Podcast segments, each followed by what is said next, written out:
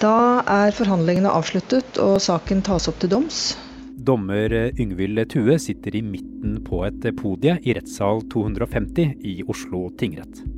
Rundt henne sitter de fire andre dommerne. Det er alltid vanskelig å angi når dom vil foreligge. Jeg har ikke noen eksakt dato for når retten avsier dom. Nå er rettssaken mot Laila Bertheussen over. Da er retten hevet. Takk for i dag. Og det er de fem dommerne som nå skal avgjøre hvordan livet til samboeren til den tidligere justisministeren Tor Mikkel Wara skal bli fremover. Men hva er det som avgjør om hun dømmes eller frifinnes? Du hører på Forklart fra Aftenposten. Mitt navn er Andreas Bakke Foss. I dag er det onsdag 28. oktober.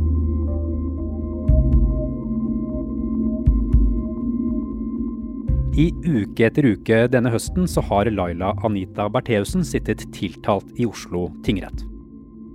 Påtalemyndigheten mener hun har angrepet demokratiet gjennom brannstiftelser og trusler mot ledende politikere i Norge.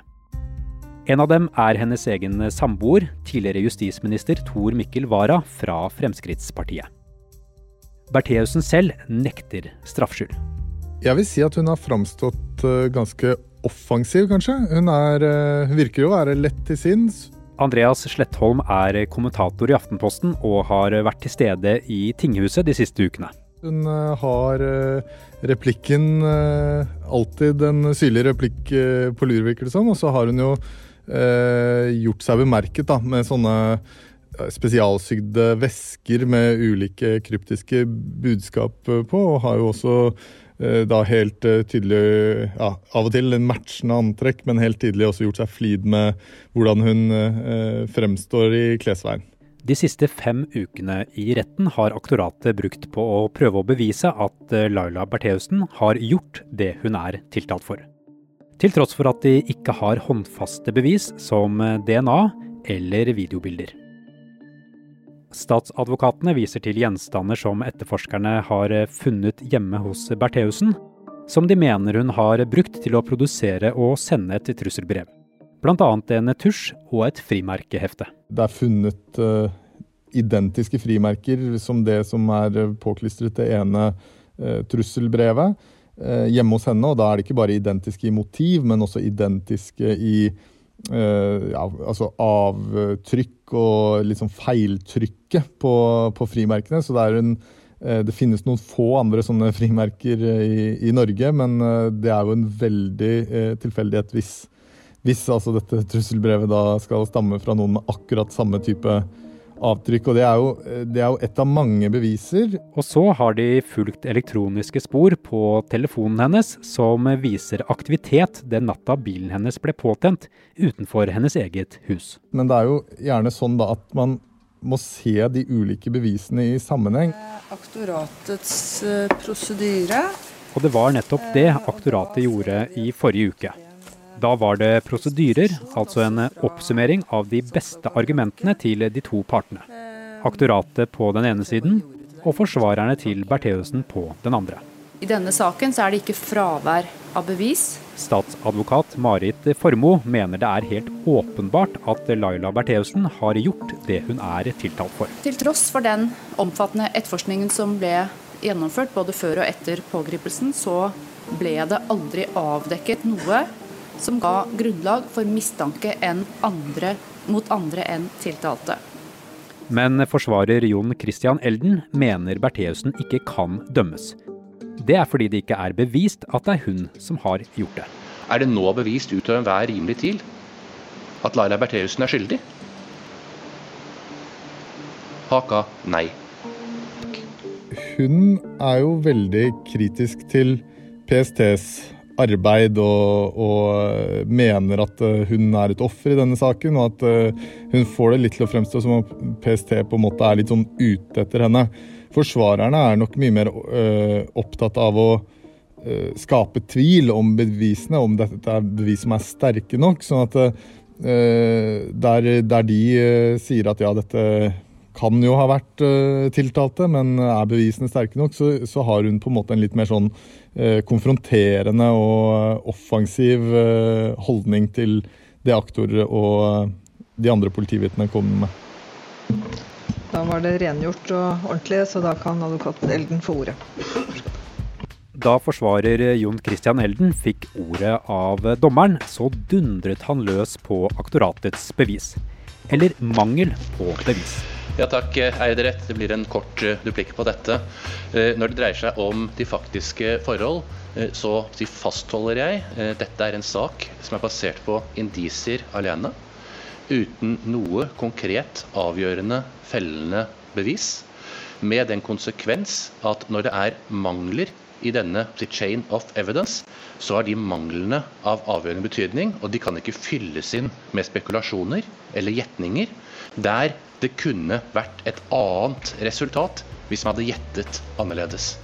Han mener aktoratet og de som har etterforsket saken, har hatt det han kaller tunnelsyn. Man ser én retning, og kun én retning. Og det er ikke noe vei ut underveis. Det er ikke noe avstikkere, det er ikke noe mulighet for å se andre løsninger. Man vil rett og slett ikke se dem, fordi at man ser bare at der i enden, der skal jeg ut. Så han ba dommerne se på hvert tiltalepunkt for seg selv, og ikke bli med på dette tunnelsynet. Så begynte han å ramse opp. Er det DNA som knytter henne til dette? Nei. Hak av nei i krysset for DNA. Det er ikke Bertheussens fingeravtrykk. Hak av nei på bevis mot henne. Video, bilder, overvåking. Er det noe av dette som inkluderer henne? Hak av Nei, det er det ikke. Gå ned på vitneforklaringer, fornærmede andres forklaringer. Er det noen som har sett henne? Hakk av nei. Er det noen av disse tidspunktene hvor det foreligger et uh, alibi, en forklaring tilsier at hun ikke har gjort det? Ja, hakk av ja. Elden mener at det ikke er bevist utover enhver rimelig tvil at Bertheussen er skyldig. Og derfor mener han hun må frifinnes. Aktor Marit Formoe mener på sin side at det absolutt ikke er mangel på bevis. Det er en lang rekke med bevis som etter vår oppfatning ikke kan forklares på noen annen måte enn at det er tiltalte som er gjerningsperson for samtlige hendelser i tiltalebeslutningen. Og hun avviste tvert påstanden om tunnelsyn. Så det var aldri grunnlag for å etterforske andre navngitte personer. Tvert om, i all hovedsak så pekte de bevisene man innhentet, på at det var tiltalte som utførte hendelsene i tiltalen. Da har jeg kommet til påstanden. Formos kollega, statsadvokat Ranke, mener at Bertheusens Bertheussens handlinger har vært svært godt planlagt. Og han ba dommerne dømme Bertheussen til fengsel. Laira Anita Bertheussen dømmes for overtredelse av straffeloven paragraf 115 straffeloven paragraf 263, straffelovens paragraf 225 og straffelovens paragraf 190 annet ledd, sammenholdt med straffelovens paragraf 79 første ledd bokstav A til fengsel i to, to år. Her er de to partene helt uenige om hva som har skjedd. Den ene siden mener Bertheussen er skyldig i trusler, i å ha påsatt branner, truet demokratiet, og at dette kan bevises. Den andre siden mener det overhodet ikke er noen fellende beviser som peker mot Varas samboer. Nå skal dommen skrives. Hva er det som avgjør om dommerne faller ned på fengsel eller frifinnelse?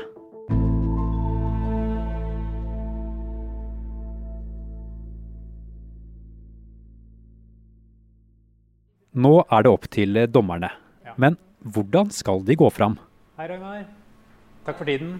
I tinghuset så jobber også dommer Ragnar Lindfjell, som selv har gjort dette mange ganger. I en så omfattende sak som, som denne saken, så håper jeg at dommerne først tar seg en liten pause.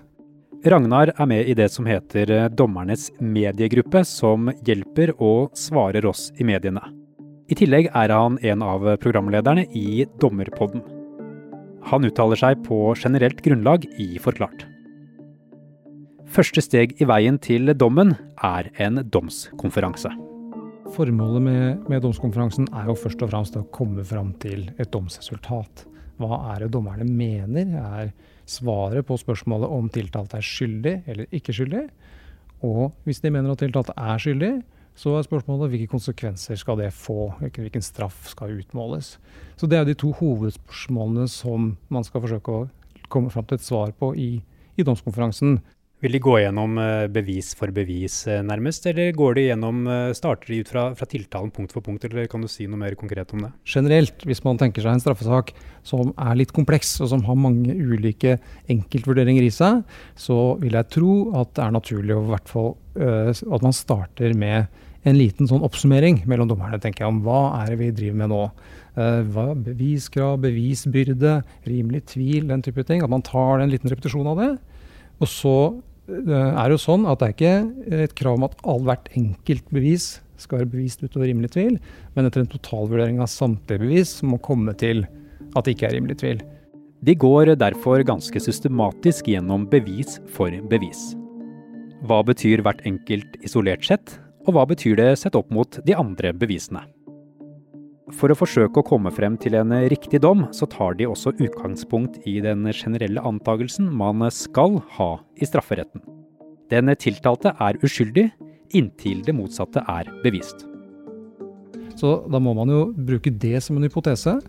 Og så må man se, vurdere de bevisene som er fremlagt fra påtalemyndighet og forsvarers side, og på bakgrunn av både de enkelte bevis og summen av dem, forsøke å gjøre seg opp målfatning er tiltalte skyldig eller ikke. Så jeg tror kanskje svaret er at den, den, å bruke den riktige metoden for å vurdere bevisene er viktigere enn å forsøke å isolere enkeltbevis, at det er viktig og det er ikke viktig. I denne saken så um, er det jo sånn at uh, det er, iallfall hevdet at den bygger på mange indisier. Uh, kan du si noe generelt om, om, arbeidet med saker uh, hvor det er mange indisier? Hva er det som er utfordringen for en dommer som må håndtere indisier når man skal skrive en dom?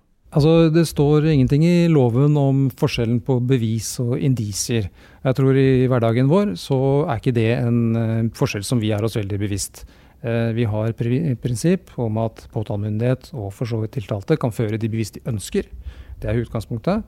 Og vi har et prinsipp om at retten kan foreta en fri bevisvurdering. Det betyr at egentlig all informasjon som er relevant for saken, kan man putte i sekken bevis, og man klistrer merkelappen indisium eller bevis på det, tror jeg kanskje ikke er måte, den mest fruktbare måten å se det på. Eh, men det er klart det er forskjell på at tre vitner har sett deg stå med en rykende pistol i hånda, og det ligger en død mann ved siden av, og at du har et plagg liggende hjemme hos deg med en blodflekk på som stammer fra avdøde. Det, det, første vil man kanskje si at det er et fellende bevis. Det andre kan være et støttebevis eller et indisium, noe som peker mot deg, men som ikke nødvendigvis er avgjørende. Um, så det handler, tror jeg nok for dommerne når de sitter der, så handler det om å avgjøre graden av bevisstyrke for de enkelte elementer som blir tatt frem. Om man kaller det indisium eller man kaller det bevis, det tror jeg for min del ikke er så avgjørende. Og den jobben, den kan bli vanskelig. For som kommentator Andreas Slettholm sier, så kan bevisbildet i denne saken oppfattes som uoversiktlig. Nei, det er jo eh, et eh, stort og ganske uoversiktlig bevisbilde. Eh, så, så her har forsvarerne gjort sitt beste for å skape tvil og si at det er andre muligheter i flest mulig av disse bevisene, mens aktorene har eh, på en måte fortalt en ganske sånn sammenhengende bevishistorie, kan man si. Hvor alle alt Ikke alle brikker i puslespillet er lagt, men klart mange nok, etter deres syn, da, til at, til at Bertheussen må dømmes. Hva tror du blir utfallet av denne saken, Andreas? Jeg tror utfallet blir at øh, dommen ankes. Nesten uansett, både om hun blir øh, frikjent og om hun blir dømt. Fordi øh, hvis hun blir frikjent, så er jeg ganske sikker på at aktor vil mene at domstolene her har eh, hatt en altfor streng terskel, og at det er verdt å prøve saken på nytt i en høyere instans. Mens eh, Bertheussen, eh, ut fra sånn hun har tedd seg og framstått, og så offensiv som hun har vært, så er jeg ganske sikker på at hun også vil prøve skyldspørsmålet på nytt i lagmannsretten hvis hun skulle bli dømt.